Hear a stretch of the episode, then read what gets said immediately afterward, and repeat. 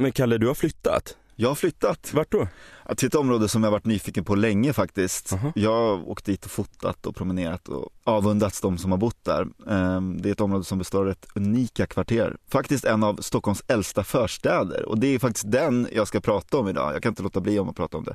Midsommarkransen och Aspudden specifikt. Just det, de är väldigt speciella där. Det är som nästan innerstadsenklaver utanför stan. Ja men verkligen, och det är väl på tiden att vi pratar om något utanför stan också, det var ett tag sedan. Absolut. Men vi har ju fått mejl också. Exakt, vi har ju fått lyssna mejl också som eh, önskade ett avsnitt om just Aspudden, så det faller sig väl väldigt naturligt. Ja, verkligen. Men jag ska faktiskt börja lite i en annan ände. Jaha. Det faller sig faktiskt så att båda de här förstäderna som de kallades när de uppfördes planerades av en stadsplanerare som jag vet att både du och jag håller väldigt högt. Nämligen Per-Olof Hallman. Ja, P.O. Hallman, som han ju ofta kallas, var en svensk arkitekt och stadsplanerare och Stockholms första stadsplansdirektör under åren som han var verksam under 1900-talets första hälft framförallt då. han har fullständigt präglat väldigt många områden i Stockholm. Ja men verkligen. Och jag hoppas kunna toucha vid flera av dem men det är framförallt Aspudden jag ska fokusera på här. Kul. Men innan vi går in på djupet på Aspudden och Midsommarkransen och P.O. Hallman Mm. så kan vi hälsa våra lyssnare välkomna till eh, avsnitt 22 av eh, Ekensnack. Ja, välkomna. En podd om Stockholms historia som drivs av dig, Christian Gradholt. Du driver ju också Instagramkontot at Stockholms historia. Och dig, Kalle Kadhammar, du driver Instagramkontot i en förvandlad stad. Och alla de platser som vi vidrör i det här avsnittet och övriga avsnitt finns ju utmarkerade på en Google Maps-karta som vi eh, har gjort. Och länken till den finner ni i avsnittsbeskrivningen. P.O. Hallman då, han, han tog ju först sin studentexamen i Linköping. Det var där han föddes och växte upp. Och ännu en östgöte alltså. Ja, Jag, jag kommer nog ha flera under det här avsnittet. Ja, vad Kul. intressant. Och sen pluggade han ju på Tekniska högskolan i Stockholm 1887 till 90 och sen vid Konstakademin också 1890 till 93. Det är en ganska klassisk eh, liksom, stegringsprocess. Och, men mycket studier. Eh, han började ju sen sin bana som arkitekt på Stockholms stads byggnadsnämnd i slutet av 1800-talet och gjorde sig snabbt ett namn. Han slog igenom på riktigt när han 1901 vann första pris för sin plan till en ny stadsdel i Göteborg. Johannesberg hette den. Eh, Det var ett pris som han delade tillsammans med Fredrik Sundberg. Eh, det var en stadsdel med arkitektur inspirerad av svensk medeltid och, och liksom Vasarenässansen med framförallt röda tegelbyggnader, inte helt olikt Lärkstaden i Stockholm som blev hans nästa stora projekt. Fint. Och, och Lärkstaden, det la han ju fram som förslag eh, för en villastad i de här oexploaterade kvarteren då, Lärkan och Domherren mitt i Stockholm, mellan Östermalm och Vasastan kan man ju säga, 1902. Med så här sammanbyggda enfamiljshus liksom i två, tre våningar, Just det. där varje hus skulle få en egen liten trädgård. Det var ju helt nytt i Stockholm. Och i Lärkstaden som Hallman skulle komma att bli särskilt förtjust i bosatte han sig faktiskt själv så småningom i ett hus som han ritat där, Sånglärkan 6. Jaha. Ett fantastiskt vackert litet vit jugendvilla i hörnet Vallalavägen, Baldersgatan. Och den uppfördes 1909 och finns kvar än idag. Där huserar idag den katolska organisationen Opus Dei faktiskt. Oj. Men vid det här laget hade ju då Hallman blivit en central figur i svensk stadsplanering och andra stora projekt som han tog sig an var ju bland annat Kiruna, när den skulle bli tätort 1908. Mhm. Och är man intresserad av att veta mer om just Kirunas historia kan jag rekommendera en annan podcast. Vi har ju några kollegor som gör en fantastisk podd som heter Staden. Ja, den lyssnar jag på varenda avsnitt. Ja. Och i deras avsnitt om Kiruna berör Dan Hallemar och eh, Håkan Forsell just P.O. Hallmans arbete och filosofi. Jag tänkte spela upp en liten bit av det bara. P.O. Hallman. Man kan, alltså man kan, om man enkelt ska beskriva eh, sättet han gjorde planer på. Man skulle kunna säga att han, man tar ett eh, fisknät och så drar man lite i det. Så att det skevar. Ja, det var fint. Så att eh, det finns liksom en skevhet i fyr, eh, fyr, Man tar en fyrkantighet och så skevar man till den lite grann. För Man att skapa, strular till det lite grann. ja, man skapar en spänning så att en gata, man ser liksom inte slutet på gatan. Utan den försvinner bort runt ett hörn. Det blir lite lättare att gå när man inte ser slutet eh, på en gata. Så Hallman hade ju en rätt intressant filosofi som bröt lite mot dåtidens rationalitet som man ser i till exempel Lindhagenplanen ju, där räta gator drogs fram över malmarna i Stockholm. Mm. Hallman såg ju hellre att man eh, tog geografin och topografin i beaktande liksom. Det här var en idé som från början hade väckts av en österrikisk arkitekt och stadsplanerare som hette Camillo Sitte, som i slutet av 1800-talet hade framfört en ja, nygammal syn kan man väl säga på stadsplanering eh, som hämtade inspiration bakåt i tiden, från just medeltiden ju. Som förespråkade mindre upprepning. Han påpekar att en stad kan inte bara byggas av massa uppradade hus i det oändliga utan sammanhanget byggnaderna emellan är liksom minst lika viktigt som själva husen. Att det finns en dynamik helt enkelt och att stan borde gestaltas från människans synpunkt snarare än liksom med rent rationella glasögon. Det här gick ju lite på tvärs med tiden får man väl säga, men fick alltså ringa på vattnet även här i Stockholm och i P.O. Hallmans olika projekt, där resultatet ju ofta är oerhört charmerande, eller vad säger du? Ja, verkligen. Det är som natt och dag att gå på en sån här vanlig stadsgata planerad enligt Lindhagenplanen och sen ja, men smita in i ett P.O. Hallman-område. Det är ju verkligen stor skillnad alltså. Ofta känns det nästan som att man kliver in i en småstad liksom, ja. när man promenerar runt. Och så är de områdena väldigt lugna också. Det är sällan lokaler i bottenvåningarna. Väldigt skickligt att lyckas med det mitt i en storstad liksom, och få till den här känslan. Ja, han högg tag i de här små höjderna mm. ofta. Ja, och, och, som exempel på det har vi bland annat Blecktornsområdet på Söder, där jag ju faktiskt bott.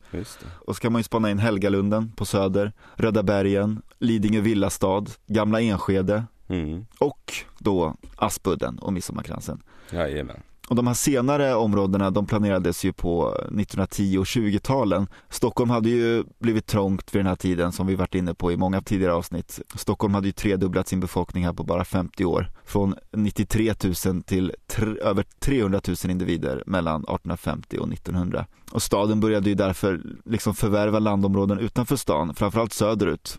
Pådrivande i det här var ju borgmästare Carl Lindhagen tillsammans med bland annat P.O. Hallman.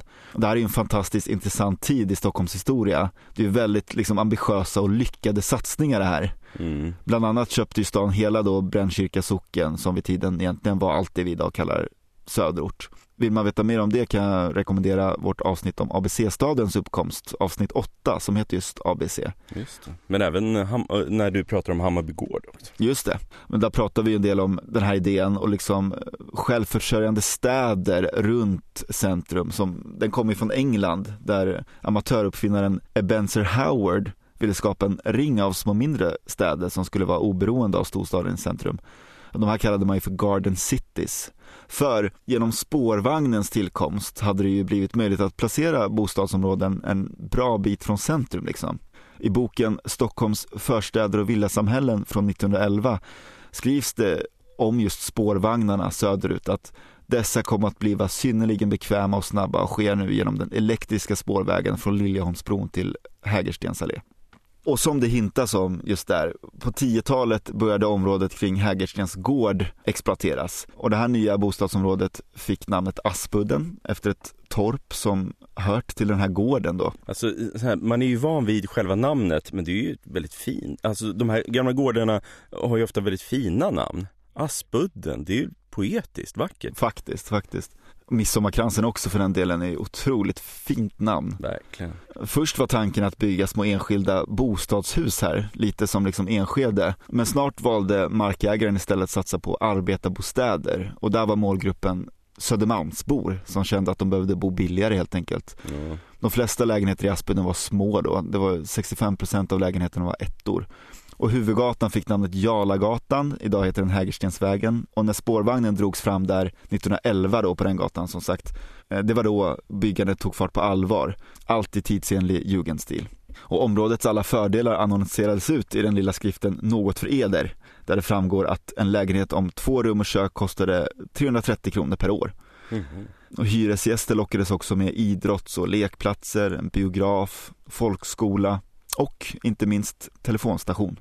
Jaha. Och de flesta husen här de ritades av arkitekt Albin Brag. Så även skulpturen Fontändamm som står på Mannhemsgatan i Aspudden. Mm.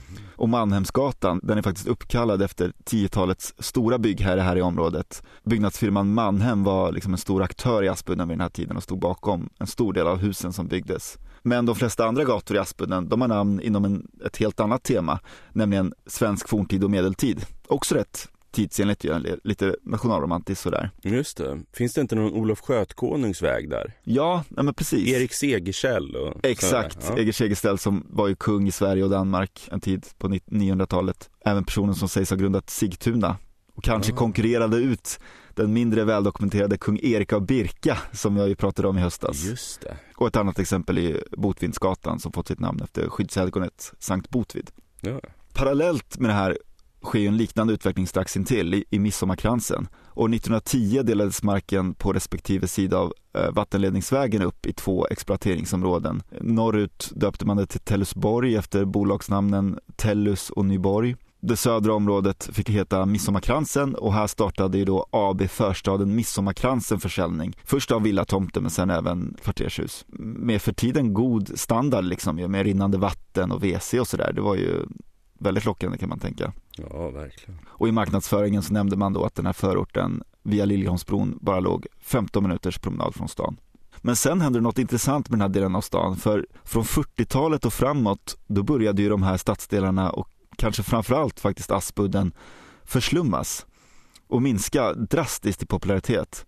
Aspudden hade drygt 13 500 invånare 1950 men 25 år senare, 1975 alltså, så hade antalet sjunkit till 7500, det vill säga en halvering av Oj. antalet invånare. Knappast ett toppbetyg. Nej, ja verkligen. Men varför var det så? Nej, men det var framförallt barnfamiljer lämnade det här området och befolkningen åldrades. Eh, Det var liksom många sociala problem här Ja. och, och många med sociala problem började också få lägenheter här. 20% av Aspuddens invånare fanns i socialens register på 70-talet Aha. jämfört med Stockholmssnittet på 3%. Och Aspudden blev också då liksom känd för sina många alkoholister och fick problem med kriminalitet. Och, och om det här gjordes en dokumentärfilm av eh, Raina Hartleb. Den heter Jag bor på Hägerstensvägen och på samma sida finns ett system. När Aspudden byggdes 1912 skulle det vara som ett mönsterområde för arbetare. Det hette då att man ville förena stadens bekvämlighet med landets behag. Och så här lät det i en reklambroschyr från 1912. Och för alla har Aspudden den präktigaste dansbana och extra förfriskningsplats är anordnad. Så att kaffetåren inte ens saknas utomhus när på söndagarna lustresande och vänner komma till Aspudden. Idag är det knappast någon som skulle komma på den groteska tanken att lustresa till Aspudden. Det är väl han som gjorde en pizza i Jordbro va? Just det, Ja, nej, det är, den, den är jättebra. Jag tycker alla borde se den här verkligen. dokumentären. Och den finns att se nu på SVT Play Ja, under hela 2023. Och den kan jag verkligen rekommendera. Det är ju ett sant tidsdokument Ja. och ger en oerhört intressant inblick i hur Aspudden var på den här tiden. Ja, men först ska jag tala om att då fanns det inga såna här kvinnliga. De kvinnliga har ju kommit nu från Gamla stan. De här lösa kvinnorna som går här och super med de här gubbarna. Då fick ju folk gå i fred. Men får de ju inte göra nu. Karlarna de bara gick in i portarna och delade på sina kvarter. Sen var det inget mer, man var aldrig rädd för dem. Och här på um, 60-70-talet så, det såg inte ljust ut för Aspudden alls alltså. Och Nej. Aspudden såg, stod faktiskt inför rivningshot under 60-talet. Oj. Många som blir anvisade till Aspudden accepterar inte den lägenhetsanvisningen. Då blir det naturligtvis människor med låga krav som till slut accepterar. Politiker förordade ju sanering genom rivning helt enkelt. Men de boende i området, de bildade då gruppen Rädda Aspudden som argumenterade för att det skulle vara billigare att renovera och modernisera de här existerande husen istället för att riva dem. Och så blev det. Ja, det får vi ju vara tacksamma för. Verkligen. Och saneringen av Aspudden beslutades 1974 och den genomfördes 75 till 82. I många fall slog man då ihop mindre lägenheter till färre större. Vilket då kunde locka tillbaka par och barnfamiljer och, som hade liksom kanske nya krav på lite större boenden. Och man byggde nya hus också i bland annat kvarteren Vadaren och Korpen. Och det här ledde då till en successiv gentrifiering av Aspudden. Och på 2000-talet, ja då flyttade liksom många kulturarbetare hit och Boverket skriver att förklaringen kan sökas i det attraktiva läget nära innerstan och dels också i stadsdelarnas karaktär av förstad snarare än förort. Och då är det både Aspudden och Midsommarkransen som avses. Ja. Och jag tycker det här är en väldigt hoppingivande utveckling som visar liksom på att det går att bryta de här negativa trenderna och att nedgångna bostadsområden härjade av kriminalitet och sociala problem kan resa sig och bli väldigt attraktiva områden igen. Det är ett lösbart problem. Liksom. Det som krävs är ju någonstans bara inom citationstecken resurser och engagemang och Ja. kärlek från våra politiker. Ja. Och kanske kan även Aspudden få stå exempel när Stockholms stad framöver antagligen kommer behöva vända utvecklingen i flera av våra andra stadsdelar i Stockholm. Eller vad säger du? Ja, absolut. Eh, Men eh, jag kan tycka att just Aspudden och Midsommarkransen har ju så hög urban potential. Mm, En väldigt mycket glesare förort tror jag är svårare att liksom få grepp om. mm, Jag menar ju att själva stadens fysiska utformning har liksom betydelse för hur trivsamt det är.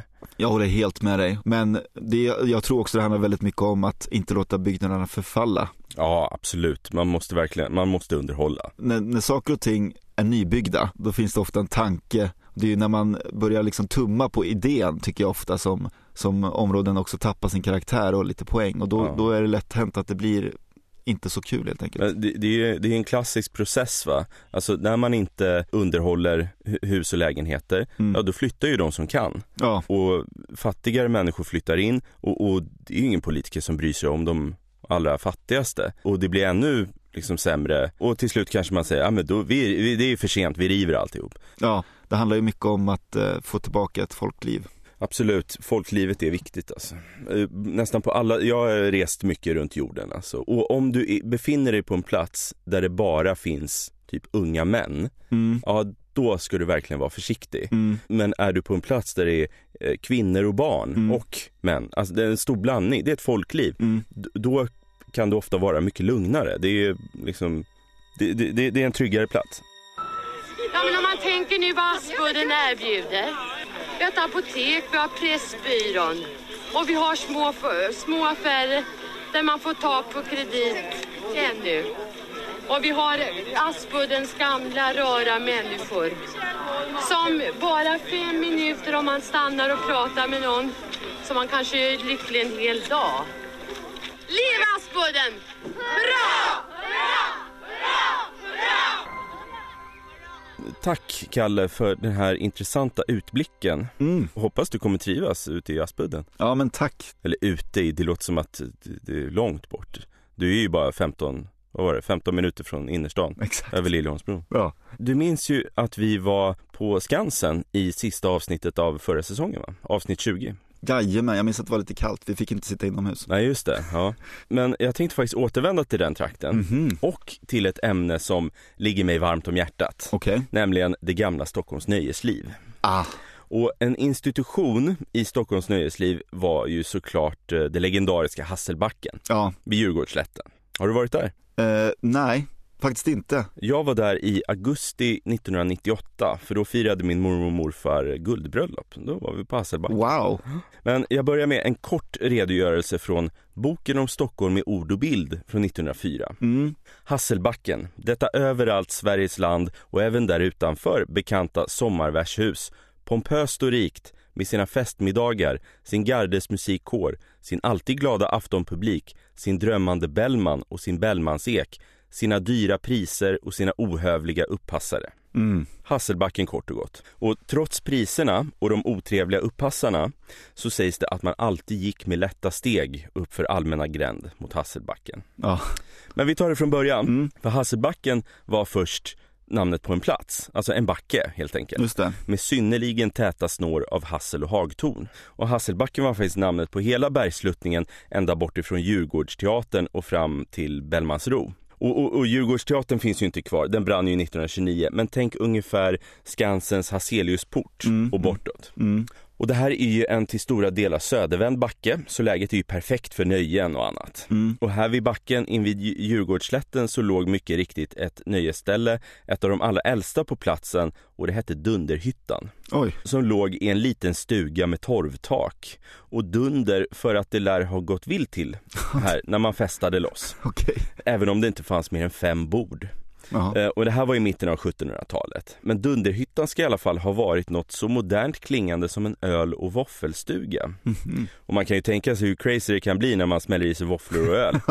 Men något senare då, så uppfördes en liten eh, röd stuga av en skomakare i Lundin någon bit uppåt backen. Mm. Och det var den som hette Hasselbackskrogen. Okej. Och mellan de här två etablissemangen så reste sig en ståtlig och mycket vacker ek. Mm. Men jag har faktiskt läst att Hasselbackskrogen även gick under namnet Fågelsången. Eller om det var namnet på platsen. Det är lite olika bud om den saken. Men oavsett så är det ju vackert och poetiskt. Ja. Och man kan ju tänka sig hur småfåglarna trivdes i hasselsnåren här på sydsluttningen. Mm. Och som sagt på 1700-talet så ska det ha gått vilt till här utöver dundret i Dunderhyttan. För Hasselbackskrogen blev ju det huvudsakliga nöjesstället här. Just det. Det var till och med så att Djurgården nästan blev synonymt med Hasselbacken. Jaha. För det var verkligen hit man ville under vackra sommardagar. Mm. Och i början av Hasselbackskrogens karriär var det främst enklare folk som besökte platsen. Det var sjömän och arbetare med familjer. Okej. Och det fanns gungor i träden och man dansade och lekte och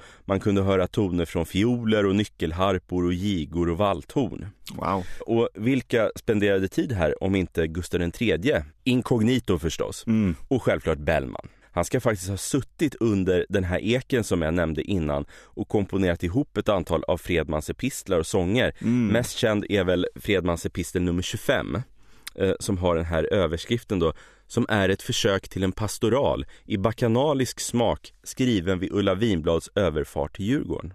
Oj. Och Bellman ska även ha ristat in sitt namn i stammen på eken. Nej. Och långt senare berättas det så var det en engelsman som karvade ut autografen med följden att eken i stort sett dog.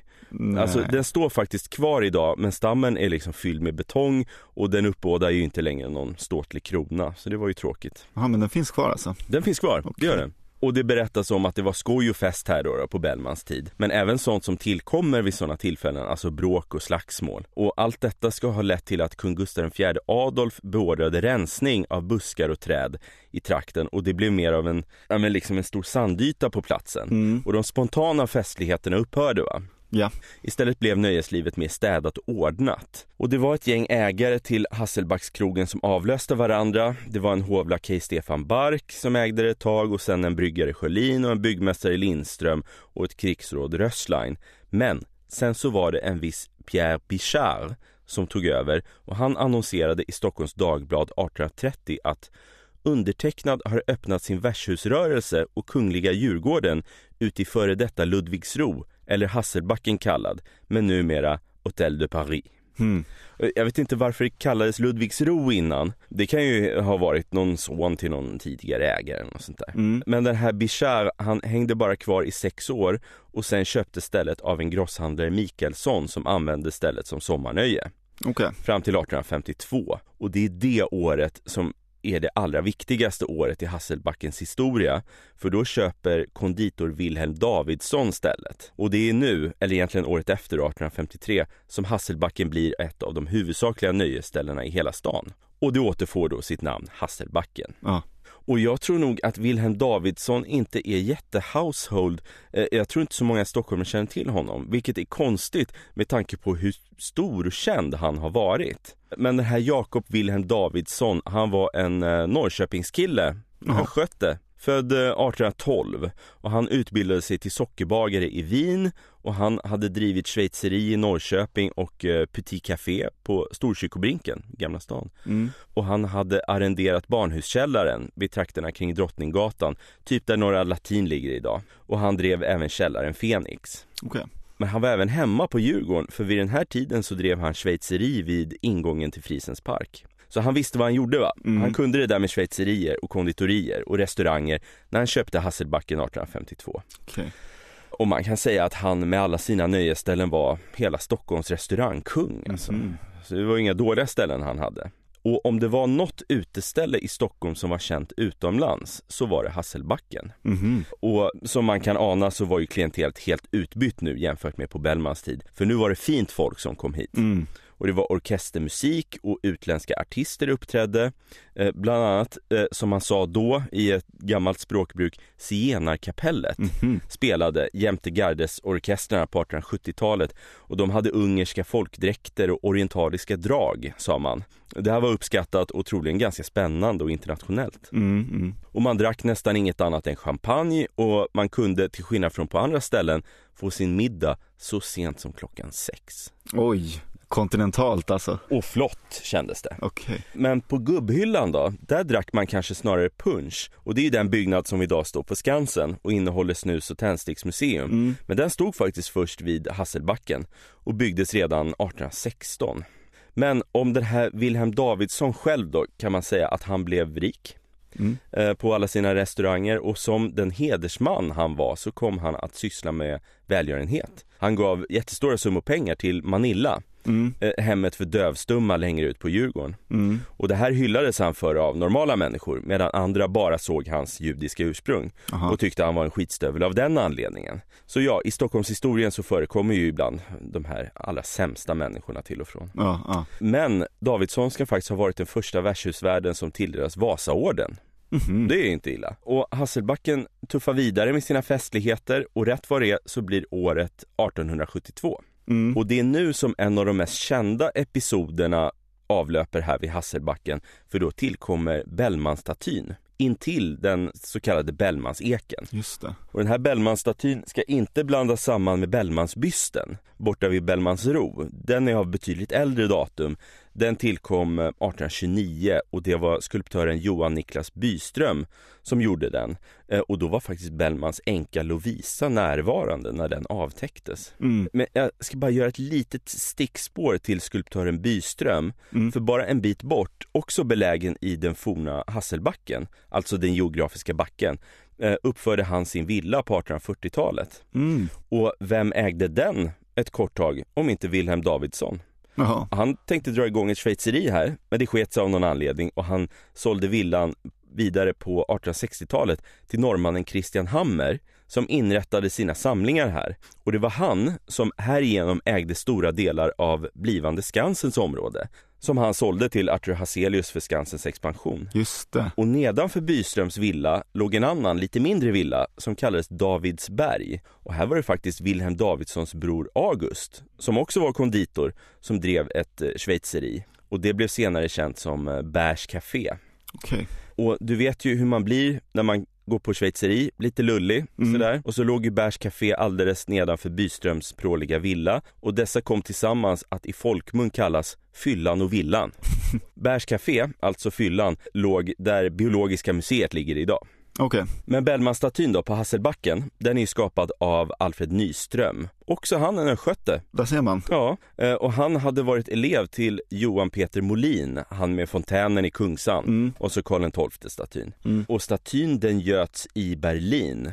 Men vem var det som satt modell för skulptör Nyström egentligen? Jo, det var en Stockholmskille, drygt 20 år gammal, vän till Nyström. Han hette August Strindberg. Är det sant? Jajamän. Och det var Wilhelm Davidsson själv som bekostade statyn som han omedelbart skänkte till Stockholms stad på villkoret att den alltid ska stå intill Bellmanseken. Och så blev det den 16 augusti 1872 och Bellmansstatyn avtäcktes. Och till det här evenemanget hade man kunnat köpa biljetter för sex riksdaler i Bonniers boklådor och på Hasselbacken. Okej. Grejen var att vädret ska ha varit precis lika ruskigt som den där dagen 1829 när bysten avtäcktes.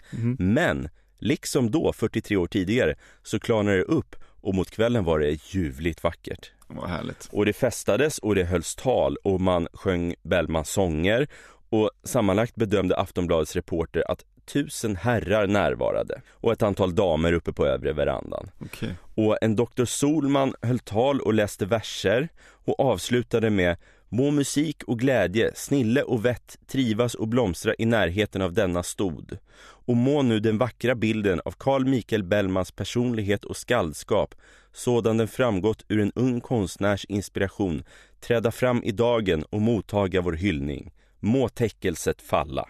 Och alla närvarande blottade sina huvuden och hurrade och det sköts kanoner uppifrån Skansenberget. Oj. Kanske vid Solliden någonstans. Och en kör drog igång och det var trumpetstötar och en viss Hedberg föredrog ett stycke. Giv plats, giv plats, ty Nordens vingud nalkas och sången raglar kring hans vigda mun. Hör hur han skämtar, se hur han glatt skalkas med nymferna uti den gröna lund. Alltså de, de fick feeling här när det var Bellman alltså. Då, de, de började rimma alltså, som fan. Tänk vad lite champagne kan göra. Ja, absolut. Och sen gick man in och åt eh, supé. Och sen tändes trädgården upp med lyktor och man kom tillbaka ut och drack bål och skålade för kungens hälsa. För han befann sig ju precis i detta nu på kurort i Aschen. Mm. Han var ju krasslig. Mm. Men det gick ju inget vidare med skålandet för bara en månad senare så var Karl XV död. Aj. Och eh, Dr. Solman kom tillbaka och drog på i samma stil som innan.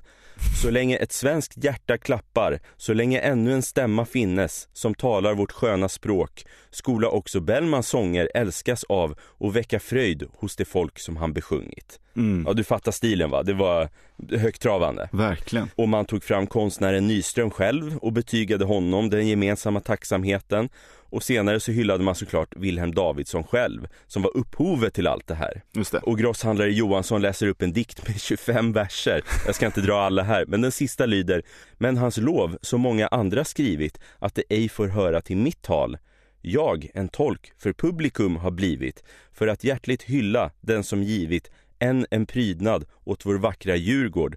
Davidsson, vi ägnar vår pokal. Oj. Och så lästes en dikt som gick ut på att Bellmans eken själv liksom berättade om sitt liv och hur Bellman suttit under honom. Och så avslutades alltihop med ett fyrverkeri. Jäklar alltså. Men detta om Bellman-statyn. Oh. För genom åren så hölls det ganska ansenliga fester här mm. till och från. Bland annat vid Vegas hemkomst 1880 eh, när eh, Adolf Erik Nordenskjöld hade hittat eh, Nordostpassagen va? Okej, okay, ja. Och det hölls en bankett här under orientalисtkongressen 1889. Just det, den hade du pratat om ja. Precis. Och ej att förglömma, Vicomte Sotomayors firande av 25 år som Portugals sändebud i Sverige. Aha, ja. Och det lär ha varit i slutet av maj 1881. Mm. Men det sker ju en stor katastrof den 18 oktober 1923, för då brinner Hasselbacken ner. Just det. Och det är ju faktiskt samma år som Alhambra också brinner ner, som bara ligger ett stenkast bort. Okay. Så det var ju surt. Men, och, och senare på 20-talet så brann Djurgårdsteatern och, och så lilla Hasselbacken på 60-talet. Det har brunnit väldigt mycket. Mm. Men Hasselbacken byggs upp. Mm. Och det är därför som dagens byggnader är en sån fantastiskt vacker, lite rosa lätt 20-talsbyggnad. Just det. Mm. Och jag kan ju inte nämna Hasselbacken utan att nämna att ungefär här då på 20-talet så nämns Hasselbackspotatis för första gången i Jenny Åkerströms Prinsessornas kokbok från 1929. Ja. Men det verkar förekomma diskussioner kring när anrättningen egentligen uppstod, så jag lämnar det därhän. Men idag så är det väl så att det även finns hotell här på Hasselbacken tror jag. Ja, det kan jag tänka mig. Och en av ägarna är ju Björn Ulvaeus. Eh, så han har sällat sig till en lång skara av ägare till eh, Hasselbacken som alla har präglat stället. Men ingen så mycket som Wilhelm Davidsson såklart. Tack så jättemycket Christian för den här intressanta överblicken av Hasselbacken. Tack själv Kalle. Och att Hasselbackspotatis är uppkallat efter just Hasselbacken, det har jag faktiskt aldrig tänkt på. Ja, eh, och vi hörs om två veckor igen. Och tills dess så kan man höra av sig till dig Kalle på ditt Instagramkonto i en förvandlad stad. Ja, och dig Christian når man ju på att Stockholms historia på Instagram. Och vi tackar Christian Jäderberg för musiken. Vi hörs. Vi hörs.